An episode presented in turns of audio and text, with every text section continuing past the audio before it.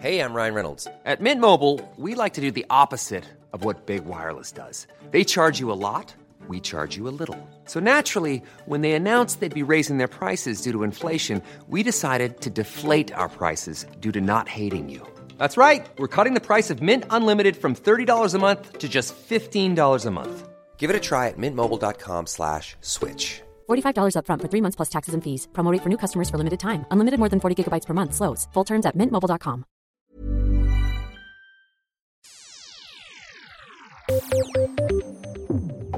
De siste ukene har en rekke demonstrasjoner både for og imot Stopp islamiseringen av Norge eskalert til vold i Oslo og Bergen.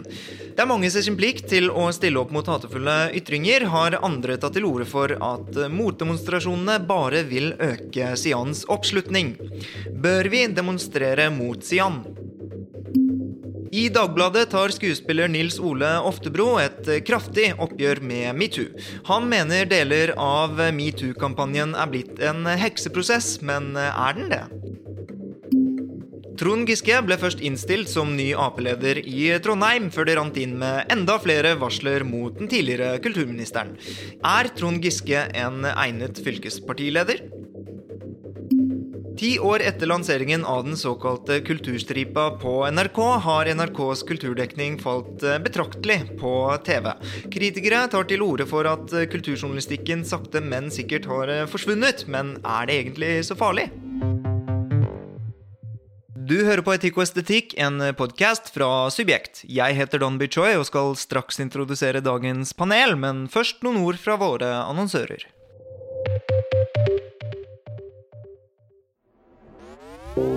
Vil du og din institusjon være synlig der hvor publikum leter etter den beste kunsten og kulturen?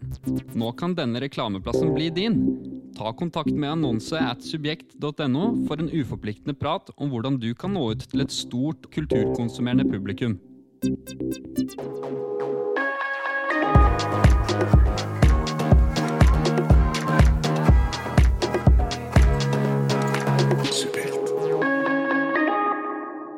Med meg i studio sitter forlagsredaktør i Aschehoug, Nasneen Khan Østrøm, en norsk-britisk forfatter, statsviter, journalist og samfunnsdebattant. Hun har en mastergrad i internasjonal politikk fra London School of Economics and Political Science, og videre en lang merittliste som kulturjournalist. Nazneen Khan Østrem har skrevet i Aftenposten og Klassekampen, vært programleder i NRK2s musikkprogram M og utenriksjournalist i Dagens Næringsliv og NTB bl.a. Hun er også tidligere medlem av Norsk kulturråd med spesiell interesse for populærkultur og internasjonal politikk, og i tillegg har hun arbeidet som høyskolelektor ved journalistutdanningen på Høgskolen i Oslo. I 2005 ga hun ut boken Min hellige krig, og i fjor boken London blant gangstere, rabbinere, oligarker, rebeller og andre ektefødte barn av det britiske imperiet. Velkommen til Etikk og estetikk, Nasneen Khan Østrem. Takk skal du ha. Ved siden av Nasnin sitter Lasse Josefsen, forfatter og journalist, og for øvrig hele Norges incel-ekspert, som misliker at vi kaller ham for incel-ekspert. Han er i alle fall så å si den eneste mannen norske medier ringer når de trenger ekspertise på incels. Altså sinte, unge og ofte kvinnehatende menn som lever i et slags ufrivillig sølibat, og som gjerne blir ekstreme og begår terror. Han har studert journalistikk og på egen hånd studert noen av de mørkeste kroker og kriker på internett. deriblant blant incels og nye nynazister, uten å bli det selv. I disse dager skriver han bok om nettopp dette, eller disse fenomenene, med støtte fra Fritt Ord. Josefsen mener at vi ikke bør møte incels med politisk korrekthet og moralske pekefingre. Han mener også at det finnes mye fornuft i det Jordan B. Peterson sier, at radikaliseringen skjer raskere på nett enn analogt, og at faretegn tidlig kan spores blant de nyfrelste. Mye viktig kompetanse her, altså. Velkommen til Etikk og estetikk, Lasse Josefsen. Tusen takk.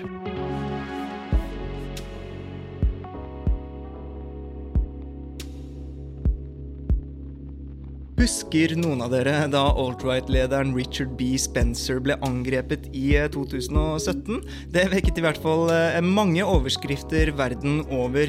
Jeg husker spesielt Vice sin, som skrev 'Er det ok å slå en nazist i trynet?' Vi ringte en etiker. Eh, jeg hadde jo tenkt å begynne der, men tror egentlig ikke at det fører til noen eh, spesielt uh, fruktbar samtale. Ikke at fruktbarhet er et kriterium for SoMe-debattene som går viralt. Denne problemstillingen gikk i hvert fall veldig viralt, fordi man spurte seg om det kanskje ikke skulle være greit, fordi man relativistisk sett kunne si at å være nazi var verre, og at man kanskje kunne underbygge det at det å slå ham i trynet ville hindre ham fra å være nazist senere. Jeg tror ikke man har empirisk hold for å si det, og denne etikeren svarte jo også det, et rungende nei.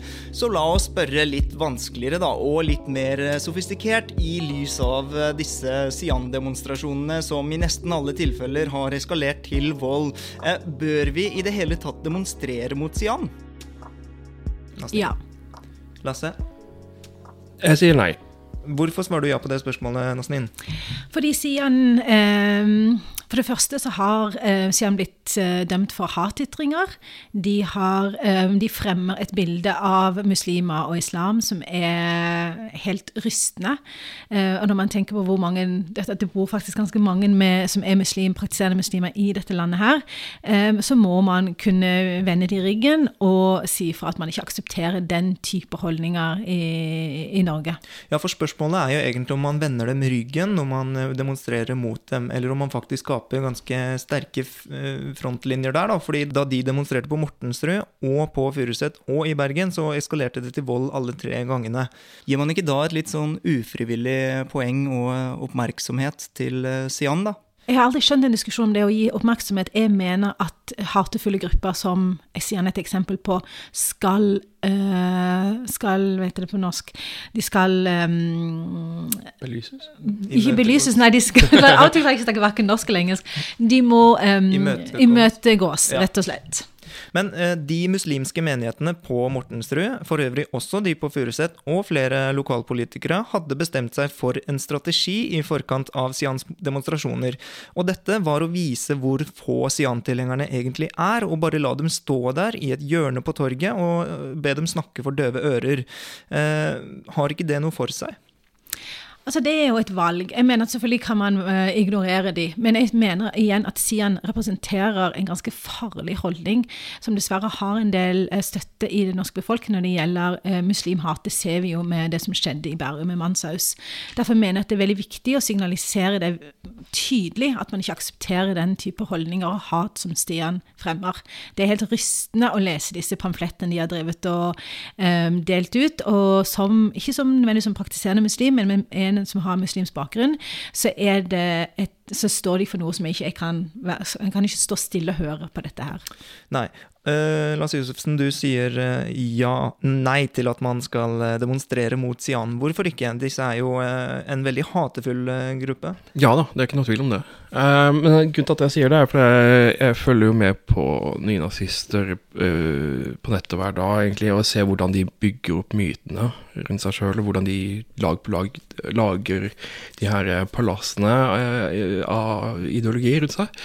Eh, og, og, nettopp eh, den type motstand som Sian plutselig får nå, eh, den, den, er gull verdt for dem. Og, og, spesielt når det er Sian som egentlig for de her nye typene nynazister, da, som, som, er de som også pumper ut terrorideologi, så jeg sier han det er egentlig bare en sånn derre Det er Lars Thorsen og bikkja hans, sikkert, og så, og så uh, blir sett på som boomers og, og litt sånn siderumpa. De, de, de, står for en kontra-jihadisme som er litt sånn derre uh, utdatert nå.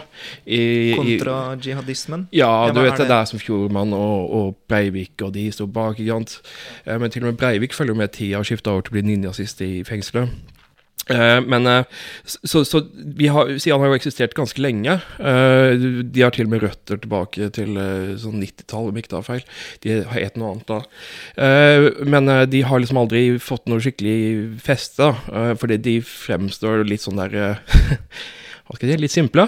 Eh, og det, sånn skulle vi egentlig foretok at det, det fortsatte. At, at de laga et møte, og så sto der og gauka det tullet sitt, og så kunne ingen bry seg om det. Eh, men nå, når de i tillegg har blitt møtt med vold, så får de en sånn edgy aura som de ikke fortjener. Eh, og eh, i tillegg så har jeg en viss sånn frykt for hvordan det antirasistiske aktivistmiljøet begynner å utvikle seg nå. Uh, der jeg, jeg har jo sjøl blitt på en måte hakka på av de. Uh, for jeg, jeg har kommet fra et annet ståsted enn de. Uh, og, og, og da, da, begynner jeg å se at det er noen sånn paranoia som man begynner å gripe rundt i, da, der de ser på som en slåsskamp med liv og død. når når det er snakk om Sian, som til tross for alt faktisk ikke er en voldelig gruppe. Men uh, spørsmålet er uh, Nei, de er ikke en uh, voldelig gruppe, og de ytrer seg, men det er likevel flere avgrensninger i ytringsfriheten, bl.a. ved hat og rasisme osv. Som Nasnin påpeker, så er de jo også tidligere dømt. Og så er det jo andre ting ved demonstrasjonen som har noe for seg. da. F.eks. så viser man at man er ganske store. fordi på, en, på, den ene siden, som jeg sa, så kan man jo kanskje vise at de er små, men på den andre siden kan man vise at man, motstanden er ganske stor også, da, og vise solidaritet. Har ikke det noe for seg? Jo, men nå, nå ser, som sagt så får de en helt annen aura nå. som de ikke fortjener. Altså det, de, de, hadde sett så stusslige ut hvis de bare sto der alene eh, med lydanlegget sitt. Eh, du, må, du, må, ikke glemme hvor rare de faktisk fremstår, eh, hvis du noen gang har vært borti Sian-folka. Eh, det, det, er ikke akkurat hva skal jeg si opp, uh, Det var litt feil å si. Det vil jeg ikke si. Uh, Oppegående, altså. Uh, det, det Faen, nå, nå Nasnin. Bare si det. Det er simple, OK? Det er bare simple. Enfoldige. Nei da, OK. Jeg, jeg, vil ikke si det. Altså, jeg, til og med mot nazister eller prøver jeg liksom å være litt fair der. Men um, ja, de, de, har ikke, de har ikke den der krigerauraen som, som noe alt-right noen, noen, moderne slike alt-rightere har. Eh, eller noen av de siege-nazistene og sånne ting. Eh, og, og, det er tross alt der vi, jeg mener at vi burde kikke på nettet. Eh, og det, det har jeg fått mye kjeft for, men jeg, jeg har jo rett òg, så. eh, Nasnin, uh, Øyvind Strømmen, som har skrevet om uh, høyreekstremisme bl.a., og som er eh, fylkestingsrepresentant for MDG i Bergen, han skriver at eh, litt som eh, Lasse Josefsen sier, at man gjør Sian til ytringsfrihetsmartyrer, uten kanskje å mene det. Tror du ikke denne motdemonstrasjonen er litt vel kontraproduktiv, da? Det er mange som mener at uh, demonstrasjoner mot Sian og gjengen er kontraproduktiv. Jeg mener at det er viktig å vise motstand til denne type grupper. Uh, fordi de representerer, som jeg nettopp sa, uh, en type hat som er helt uakseptabelt. Under demonstrasjonen i Bergen så står den ene damen og roper 'skyt de, skyt de'. og dette er veldig mye unge mennesker som har, som har muslimsk bakgrunn, som opplever at deres muslimske identitet er under eh, rett og slett under angrep hele tiden. Uh, og jeg syns at disse ungdommene og de andre som var til stede, har sin fulle rett til å vise Sian-fingeren og fortelle dem at de uh, representerer noe som er uakseptabelt i det norske samfunnet. Nå vil jeg gjerne påpeke at de ropte 'skyte med gummikuler', så, så, det blir litt vesensforskjell. Jo da, men det, det, er jo ikke sikkert alle hørte gummikuler. Og det var jo tross alt etter at de hadde blitt angrepet av de her som hadde brytet over gjerdet. Og det vi må snakke om Bergen, er egentlig politijobben som var helt elendig. Ja, Det var den definitivt. Det, det er alle enige om, egentlig. Um, det er på en måte blitt Norges Charlottesville uh, i forhold til sånn politiarbeid. Uh, men um, uh, også Ellers er jeg enig i det at det er viktig å vise motstand uansett. men det handler litt om, om, om proporsjoner. Og, og, og, litt om den retorikken som blir ført rundt i antirasistiske kretser under sånne hendelser, da. Eh, kan du utdype hva du mener med det? Ja. Um, det er eh, Eller jeg, jeg, jeg, vil ikke helst ikke gå inn på navn og sånne ting, men altså, jeg følger jo med. Uh, og jeg blir jo, er jo en del av diskusjonene, og da ser jeg at det er veldig mange på andre sider som snakker om det her som om det er liv eller død. og så pumper de opp litt sånn oppblåst retorikk da, rundt Sian, uh, når det faktisk bare snakker, snakker, om en liten gruppe mennesker med et lydanlegg. Men tenker og, ikke du at noen, fordi, uh, for en del av antirasistene så handler det faktisk om liv og død? Nei, det tror jeg ikke. Ikke i det hele tatt. Uh, det, det, det, her er ikke snakk om, om, om en voldelig gruppe. men selvfølgelig, det, det, er ubehagelig, det de sier er hatefullt, og sånn der, men vi kan ikke liksom bare putte alt inn i en sånn derre kamp uh, om liv og død. Det er ikke, det er ikke sånn. Uh, sånn som uh, Hvis vi skal snakke om liv og død, så må vi, så må vi gå til sånn mannssaus og ut i de mer nazistiske kretsene. men de er, de er ikke der ennå. Um, så jeg føler at denne retorikken blir veldig Den er med på å gi Sian en sånn derre Altså Det blir som en sånn puddel som får en sånn skygge av sånn diger schæfer. Altså, jeg tenker at det er veldig altså, Ja, man kan si at Sian er en patetisk gruppe, men igjen vil jeg understreke at de har blitt dømt for disse løpesedlene som de har faktisk studert, og det hatefulle ytringene som de faktisk har kommet med, som, som, tilsier at dette er en gruppe som faktisk vi kan ta på alvor. Altså, det kan, samme kan man jo si om Jeg husker 90-tallet og ikke minst eh, Arne Myrdal.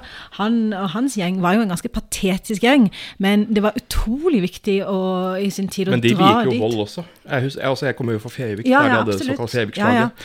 Ja, ja. og, og, eh, og, og, der var det jo veldig mange innblanda som var uh, ganske voldelige mennesker. Men mange av disse Sian, uh, men jeg tenker i forhold til Sian-sympatisører, de kan være ganske grumsete folk. Det er enig. Eh, og Derfor tenker jeg at det er viktig å vise dem at dette er Vi viser motstand mot sånne holdninger og sånne typer eh, mennesker i Norge. Eh, så jeg eh, støtter disse Jeg støtter demonstrasjonene mot Sian.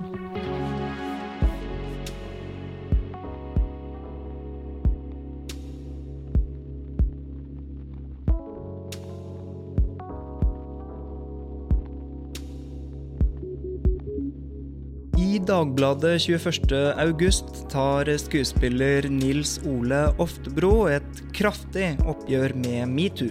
Han mener deler av metoo er blitt en hekseprosess, men eh, er den det? Er deler av metoo blitt en hekseprosess, Nasneen? Nei, det syns jeg blir å sause sammen veldig mange rare ting, eh, rett og slett. Lasse?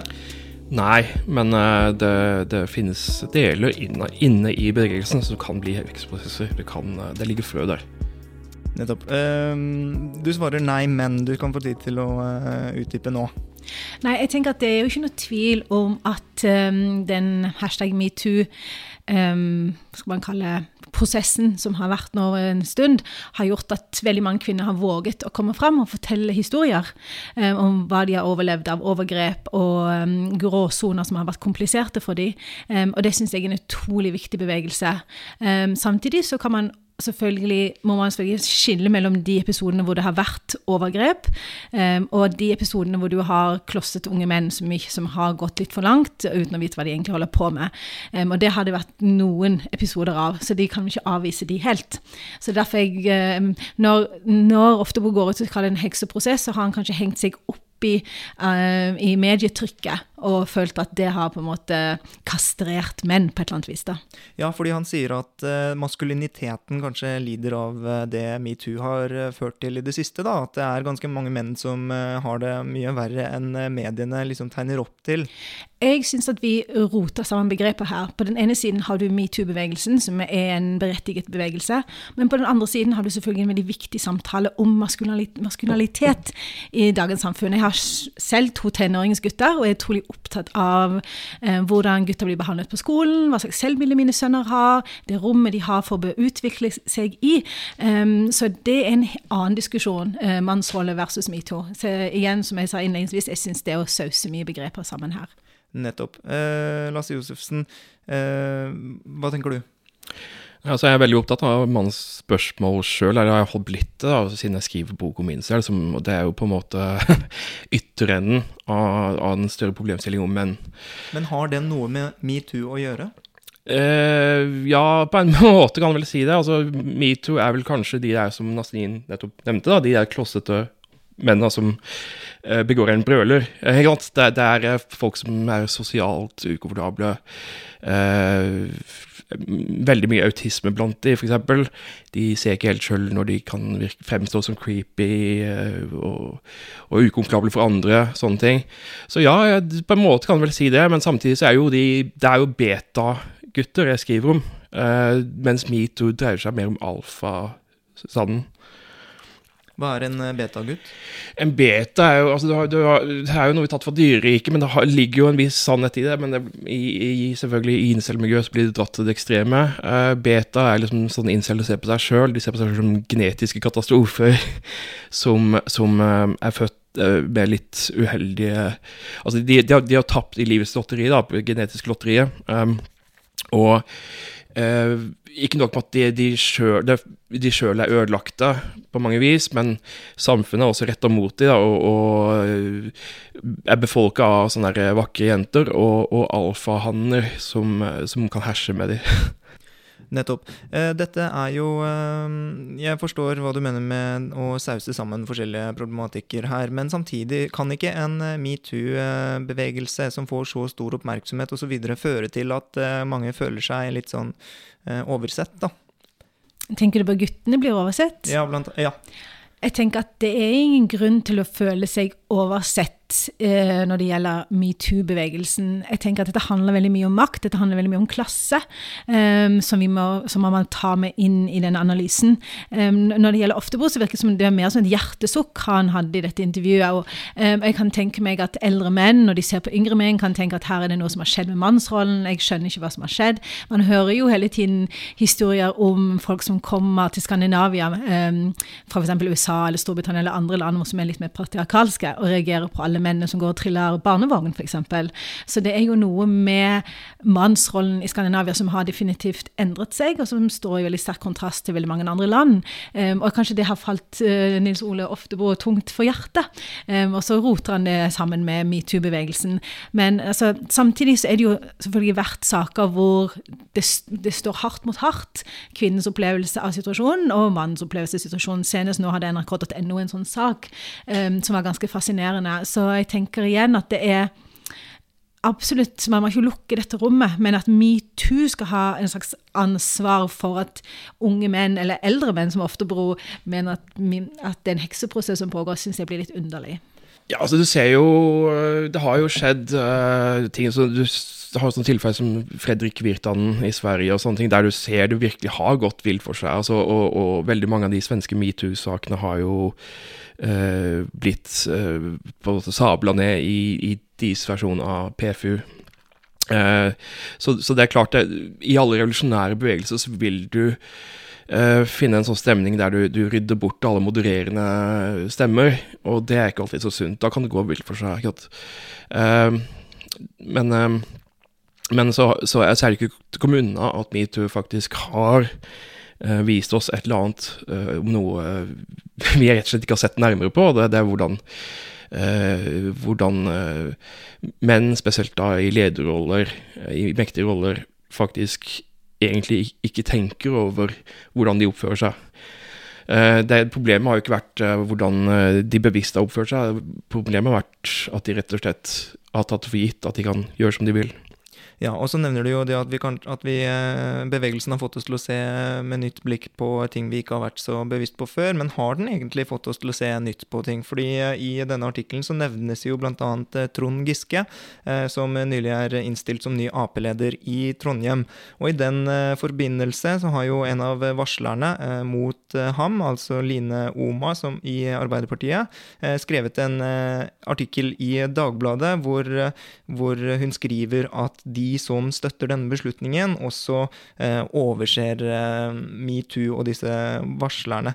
Og det er jo et ganske sånn eh, vanskelig utgangspunkt. Det er veldig binært, på en måte. Så jeg har lyst til å spørre, er Trond Giske egnet som Ap-leder i Trondheim? Jeg vil si nei. Lasse? Uh, ja, jeg tror, altså, jeg tror uh, Etter et sånt mediehardkjør så tror jeg ikke han kan se på en annen jente engang uten at noen reagerer på det. Um, og så, er det jo sånn at no, føles det inn så må noen få lov til å komme tilbake. Nasnin, du svarer nei. Hvorfor ikke? Jeg tenker at en politisk skikkelse som Trond Giske, som har vært gjennom det mediekjøret man har vært, og hvor det åpenbart har vært svært problematiske situasjoner, um, vil man virkelig ha en politisk leder av den typen? Um, det syns jeg er det syns jeg er oppsiktsvekkende, egentlig. Men som Lasse nevner, da, kan vi ikke få en ny sjanse alle sammen? Skal vi alle sammen få en ny sjanse? Er det sånn det fungerer? Det er jeg litt usikker på. Jeg tenker at tilliten hans er så tinnslitt um, og veldig problematisk. Og man hører jo folk som melder seg ut av Arbeiderpartiet i protest mot dette som har skjedd. Uh, man vil jo heller, altså Jeg tenker sånn rent politisk så vil jeg ha politikere som er så Altså, ingen er ren og rank, men i hvert fall så ren og rank som mulig, i hvert fall. Um, og jeg syns det er problematisk at en person som Trond Giske blir, uh, blir valgt som leder for Ap Trøndelag, men jeg er ikke overrasket i det hele tatt. Jeg tror jo at uh, Trond Giske kan bli statsminister. Ja, det tror jeg. Uh, men jeg tror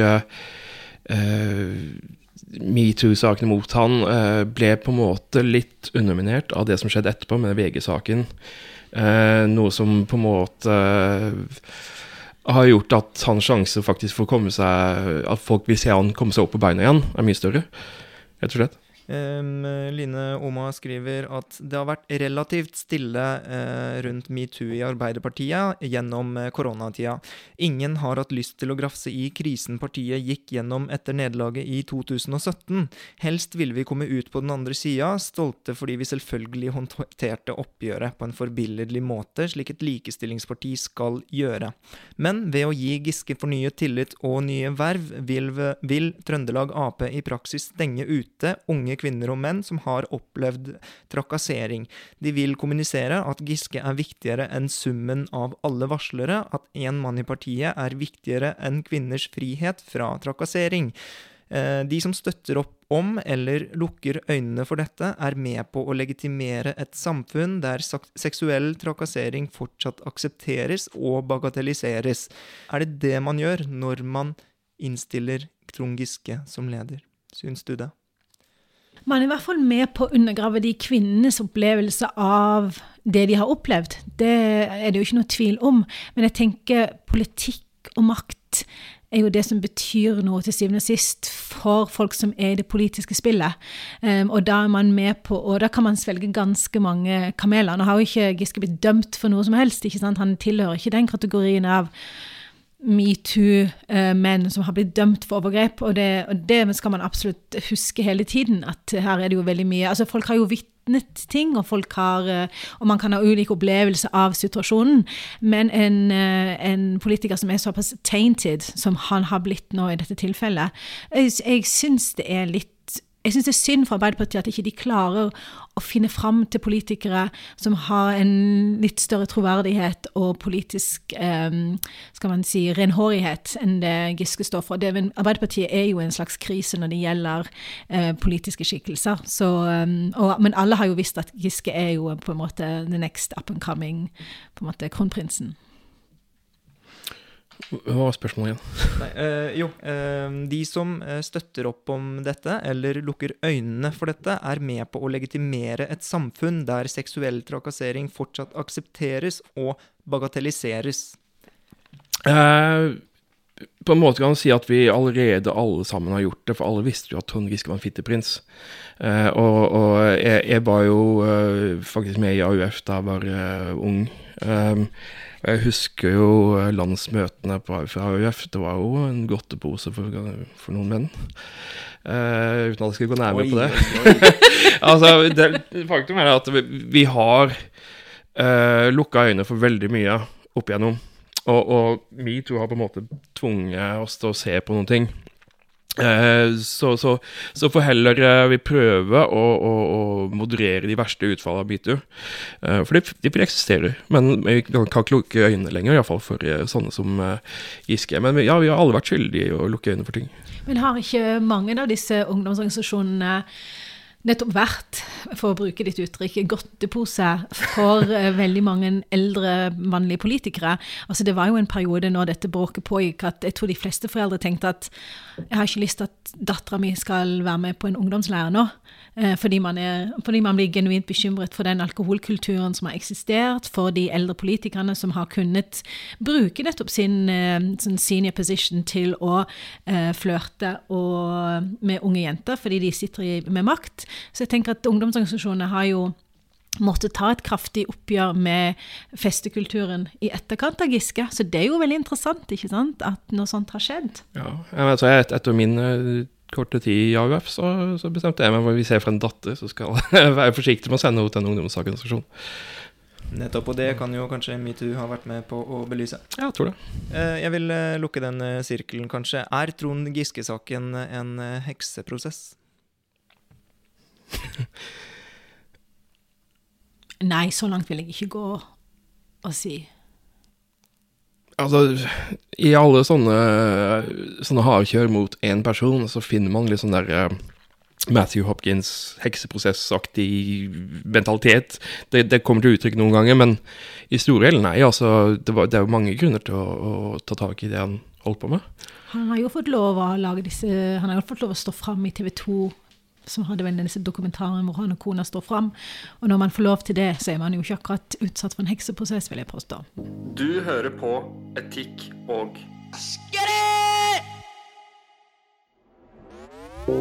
Vil du og din institusjon være synlig der hvor publikum leter etter den beste kunsten og kulturen? Nå kan denne reklameplassen bli din. Ta kontakt med annonse at subjekt.no for en uforpliktende prat om hvordan du kan nå ut til et stort kulturkonsumerende publikum.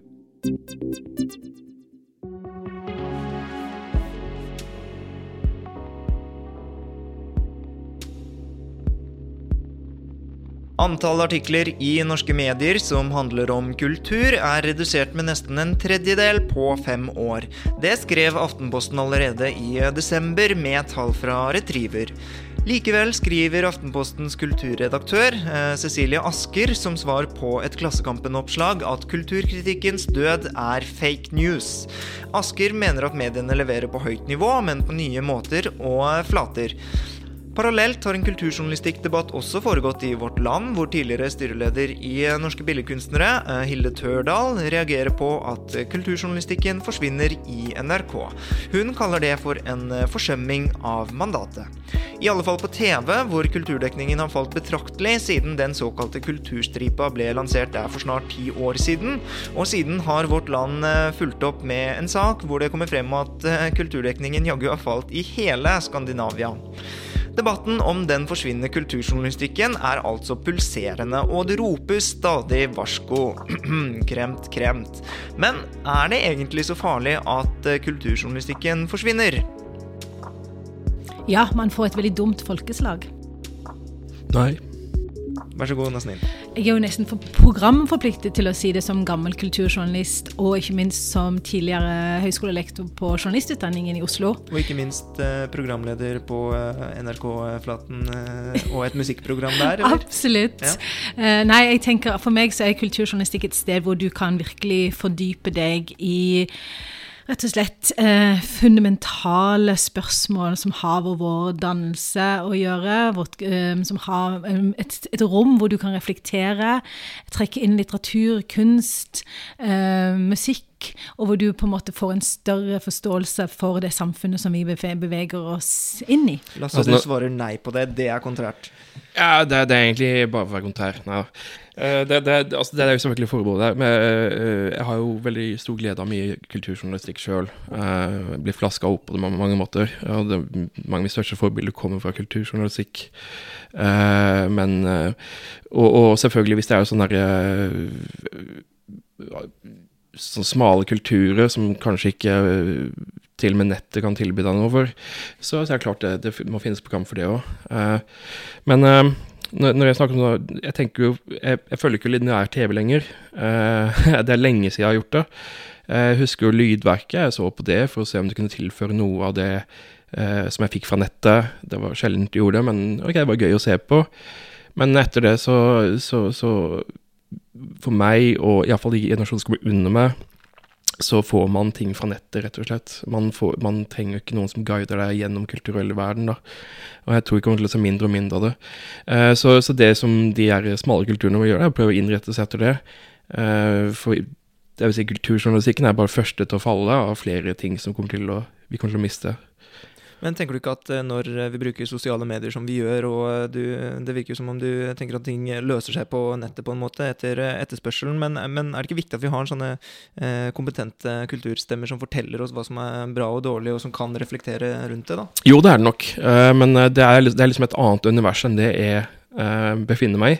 Uh, hvis det er noen som uh, f.eks. er interessert i kammermusikk, så ok, ja, det, jeg tviler ikke på at det faktisk trengs et TV-program og en eller annen autoritet som kan liksom være, være, hva skal jeg si, smaksetter, eller hva det skal uh, Men, uh, men det, er liksom ikke det universet jeg befinner meg i, uh, og jeg tenker ikke de baner. og så spørs det om ikke etter hvert det blir sånn nesten pinlig smalt, hvis man skal gå inn sånn. Men jeg tenker ja, at eh, kulturjournalistikken handler jo i veldig stor grad om å løfte fram uh, kulturelle aktører og ha For meg handlet veldig mye om kulturjournalistikken um, den gang før internettets tid, hvor man løftet fram trender og personer som hadde stor betydning for det feltet de arbeidet innenfor. Og så kan man selvfølgelig si at etter internettet så har alle fått sin egen lille bl- blogg, og man kan skrive om hva man vil, og alle som har særinteresser kan finne sin særhet på nettet. Men jeg tenker at det som kultur, god kulturjournalistikk gjør, er jo å identifisere trender og sitte og reflektere rundt det. Man kan selvfølgelig diskutere hvor interessant det er at man har musikkanmeldere, at man liksom litteraturanmeldere, eh, for det er det som betinger godt anmelderi er jo kunnskapen til den som anmelder. Og jeg må jo, jeg må jo si, hvis jeg sammenligner britisk presse eller amerikansk presse med norsk presse, så stoler jeg jo mye mer på de britiske og amerikanske anmelderne, for de har et høyt kunnskapsnivå, virkelig høyt. Uh, mens jeg syns det er veldig uh, litt sånn kreti og pleti i Norge hvem som får bli kulturjournalister og anmeldere. Um, så det er på en måte et um, Og det er det rommet jeg savner i norsk kulturliv i dag. Um, når man hadde eksempel Man kan lett bli nostalgisk i dag pga. de store medieendringene som har skjedd. Men eksempel når NRK2 dukket opp, og du fikk masse forskjellige nisjeprogrammer, og de prøvde å eksperimentere med U-redaksjonen, du hadde sånn um, du hadde Puck, altså du hadde masse rare programmer som utforsket kulturfeltet. Det var jo utrolig spennende utrolig gøy. Og i dag så kan jo ungdommen gjøre det, og kidsa kan gjøre det på nettet og på YouTube og sånne ting. Men det skapte på en måte en, en offentlighet som ble veldig interessant, hvor man kunne ta opp interessante ting. For eksempel i Norge i dag, eh, arkitektur. I dag så forvandles Oslo til en helt annen by. Det finnes jo ikke noe reell samtale om hva slags by Oslo skal bli, eh, altså arkitektonisk, innholdsmessig. Det skjer så mye interessant i Norge i dag på kulturfeltet som aldri blir virkelig debattert og diskutert og reflektert over. Eh, og det syns jeg er et kjempetap for Norge. Og et problem med Norge er jo det lave dannelsesnivået som finnes blant, eh, blant nordmenn, vil jeg påstå. Du, altså, du ser på den norske skolen, barna våre lærer jo nesten ingenting om kunst, de lærer nesten ingenting om musikk. De kan så lite. Skal du forstå og kunne gå inn i Nasjonalgalleriet og eh, sette pris på kunst, så må man ha et minimum kunstdannelse. Men hvor finnes det i den norske skolen i dag? Eh, Når det gjelder litteratur, littera de gode samtalene om litteratur eh, fins heller ikke. Jeg synes jo vi, vi, i Norge som kulturnasjon henger voldsomt etter veldig mange andre land vi liker å sammenligne oss med. Folk, Nordmenn er jo et kult kulturelt interessert folkeslag. Det, jo, det ser man jo. Man, det, folk går jo i operaen, folk leser bøker i Norge. Men de rommene for den gode samtalen, for å bruke en idiotisk klisjé, de er forsvinnende få, har jeg på følelsen av. Altså, jeg eh, jeg syns jo at man kunne brukt mye mer plass i Aftenposten, i Morgenbladet, på å utforske globale trender innenfor litteraturen. Altså, du ser på kommentar, kommentatorene i Norge er jo en ekstremt homogen gruppe som virker veldig lite interessert i å løfte fram trender internasjonalt eh, og diskutere internasjonal litteratur. Eh, altså, det er på en måte mye hull i den norske kulturjournalistikken, syns jeg. Jeg syns den er veldig trangsynt og veldig preget av å diskutere uendelig mange Netflix-serier. Jeg er så lei av å diskutere Netflix-serier at jeg holder på å spy. Så jeg tenker, kan man ikke løfte blikket sitt og se utenfor? Og HBO? For all HBO også. Men det er så mye mer enn serier. Man har jo blitt et seriebesatt land. Eh, Og jeg tenker at det må være mulig å løfte blikket sitt. Jeg kan til bisk være bare enig i det. Jeg savner jo mye Altså, jeg mener ikke at alt har blitt bedre med internett. Det er ikke det. Tvert imot. Uh, Temaet for neste boka mi eh, etter den her skal være hvordan internett har faktisk gjort alt verre. Uh, Men uh, samtidig så ser jeg jeg jeg er blitt besatt Jeg er blitt litt besatt av nettkultur, for det er det jeg følger med på, enten det er naziene eller incels. Og, og der ser jeg at kultur er alt Der er det en subkultur som er i Flere subkulturer som er veldig vitale. Eh, og som har alle de der tinga som vi savner der ute i, i in real life. Eh, og og eh, da, da ser jeg også muligheter der. og at føles inn som må noe skifte. og kultur er jo i sitt utgangspunkt flytende. Og det ligger i dens natur at den må på en måte skifte beite og, og skifte taktikk osv. Det kommer til å skje, men akkurat nå så er vi i sånn litt rart limbo. Og, og, Det som jeg også syns er interessant med kulturjournalistikken, og jeg har fulgt med på kulturjournalistikken i Norge veldig lenge, er jo hvem er det som skriver om kultur i norske aviser eller norske medieoutlets? Det er jo en veldig homogen masse. Um, og når man snakker om, apropos dette, hvem, hvem, som, har, hvem som har makt, um, så vil jeg jo si at det er forbløffende hvor homogene norske redaksjoner er. Um, og interessen for verden utenfor er jo minimal, virker det som. Så jeg syns jo rekrutteringen av norske kulturjournalister er, er begredelig for øyeblikket. Jeg er jo medlem av en gruppe som heter INN, etniske minoriteter inn i norsk kulturliv. Um, og den vanvittige mangfoldet og kompetansen som finnes der ute, som ikke blir brukt av norske redaksjoner, syns jeg er helt katastrofal. Eh, for der fins det så mye spisskompetanse på ting som skjer internasjonalt, som ikke blir hentet inn til redaksjonene. Så hvis man hadde klart å gjøre redaksjonene mer mangfoldige, eh, mer ærgjerrige, så kanskje norsk kulturjournalistikk hadde blitt mer interessant. Men eh, hva mener du egentlig med det? Fordi at hvis vi ser på de største kultursakene, noen av de største kultursakene her om dagen, så handler de om den boken, White Fragility. Det handler om avkolonisering. det riktignok i Norge, men også internasjonale tendenser. Det handler om JK Rowling, og det handler om eh, kulturdebatter og litteraturdebatter som eh, ja, pågår i andre land enn eh, Norge også, bare. Det, tror du det vil ha stor interesse blant leserne da? Ja, det, altså jeg tror at hvis man får gode, gode skribenter som har spiss, spisskompetanse. Du sier at det handler veldig mye om avkolonisering, eh, bl.a. den diskusjonen der. Men hvem er det som sitter i redaksjonen og bestemmer hva som skal skrives om disse tingene?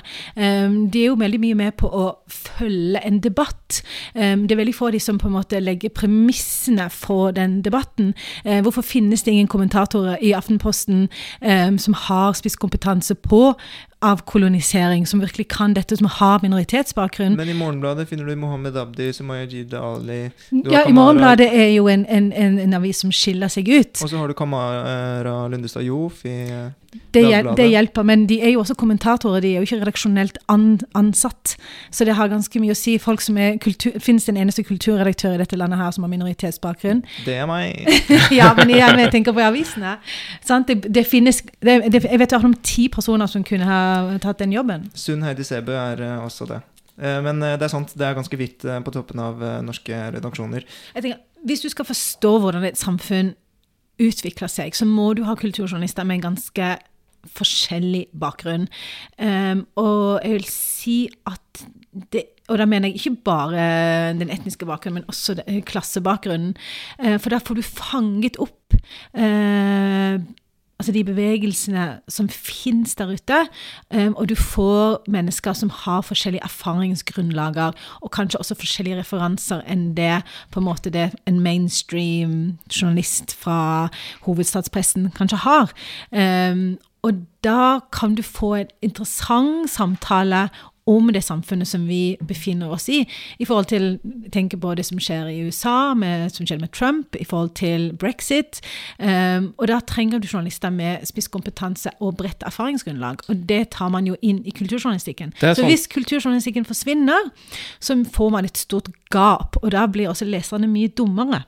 Det er sant når eh, du er inne på noe der, for da, når vi tenker på eh, diversitet i redaksjonen og sånne ting, tenker vi automatisk på etnisitet og sånne ting, men det kan også ha med klasse og sosial bakgrunn å gjøre. Og det, spesielt med England og brexit, så, så er det jo helt klart Da var det òg en blindsone, akkurat som med Trump i USA. Eh, men vi spurte om kulturjournalistikken forsvinner, eller en kommentar på det. Hvem har egentlig ansvaret? Altså, leserne klikker seg ikke inn eh, kultur eh, Du sier anmelderne ikke har like stor kompetanse som i eh, USA eller eh, i England. Og da tenker jeg også at etter erfaring da, at eh, folk som får veldig stor kompetanse på musikk, det er en fryd å lese blant noen. Men det er ikke nødvendigvis de som har best til å skrive heller, eller til å liksom være sånn publikumsutviklende og skrive journalistikk lett forståelig og sånn. Så hvor, hvordan egentlig jobber man med at kulturjournalistikken skal nå bredere, er jo liksom det evige spørsmålet. da. Ja, det kan man absolutt si. at det, det, det er en Burde vi ikke få en, eh, en, en sånn Lester Banks-skikkelse i Norge? Noen som kan gjøre det spennende å lese om musikk igjen. Det er år og dag siden jeg har lest om musikk, og det har vært underholdende på en eller annen måte. Hadde... det finnes jo folk i Det finnes jo gode jeg vil påstå det finnes gode penner i norsk musikkjournalistikk. Faktisk, det, det finnes det. Men man kan selvfølgelig igjen kan jeg lett bli nostalgisk siden jeg er den jeg er. Eh, og jeg tenker på musikkjournalistikken som eksisterte i, i Puls og Beat og Rock for i gamle dager, hvor du hadde virkelig litterære stjerner som bl.a. Torgrim Eggen um, og Ina Blom og sånne type folk, som virkelig man ble virkelig inspirert av. Uh, og jeg står i stor gjeld til den generasjonen som eksisterte på 80-tallet, som virkelig våget hele den, den, uh, den nye litterære scenen, uh, rett og slett, som eksisterte på den tiden.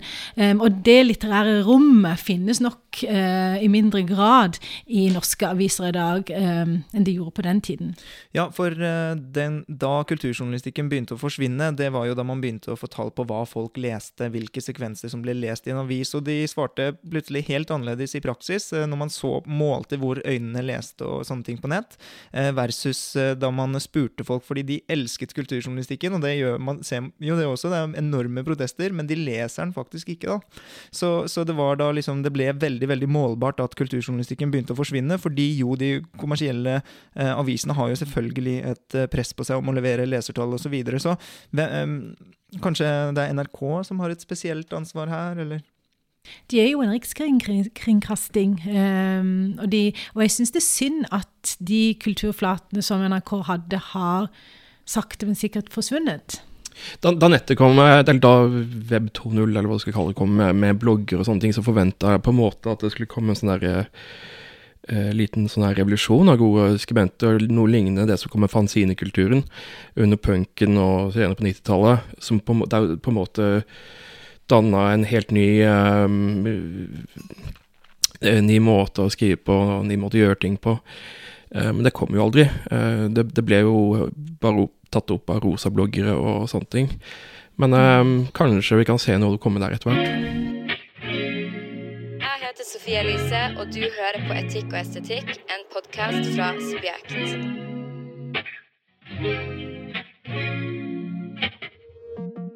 Og med det vil jeg si tusen takk for eh, besøket, Lasse Josefsen og Nasnin Khan Østrem, og for en eh, sofistikert eh, samtale. I neste episode av Etikk og estetikk møter vi Magdi Omar Ytreide Abdel Magid, kanskje bedre kjent som Karpe Magdi, for øvrig også medlem i Ytringsfrihetskommisjonen. Sammen med ham møter vi tidligere kunnskapsminister i Norge, og nå leder i den liberale tankesmien Civita, nemlig Kristin Clemet. Det blir nok eh, litt av en samtale, det også, så det må du sørge for ikke å gå glipp av. Og det sørger du for ved å følge oss der hvor du hører på podcaster, det være seg på Spotify, Soundcloud, Google Podcasts, Apple Podcasts eller hvor enn. Subjekt. Og forresten, Subjekts podkast, Etikk og estetikk, er gitt ut med støtte fra stiftelsen Fritt Ord. Hey, it's Paige DeSorbo from Giggly Squad. High quality fashion without the price tag. Say hello to Quince.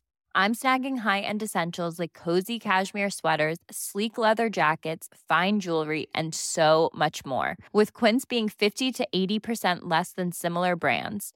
And they partner with factories that prioritize safe, ethical, and responsible manufacturing. I love that. Luxury quality within reach. Go to quince.com slash style to get free shipping and 365 day returns on your next order. Quince.com slash style.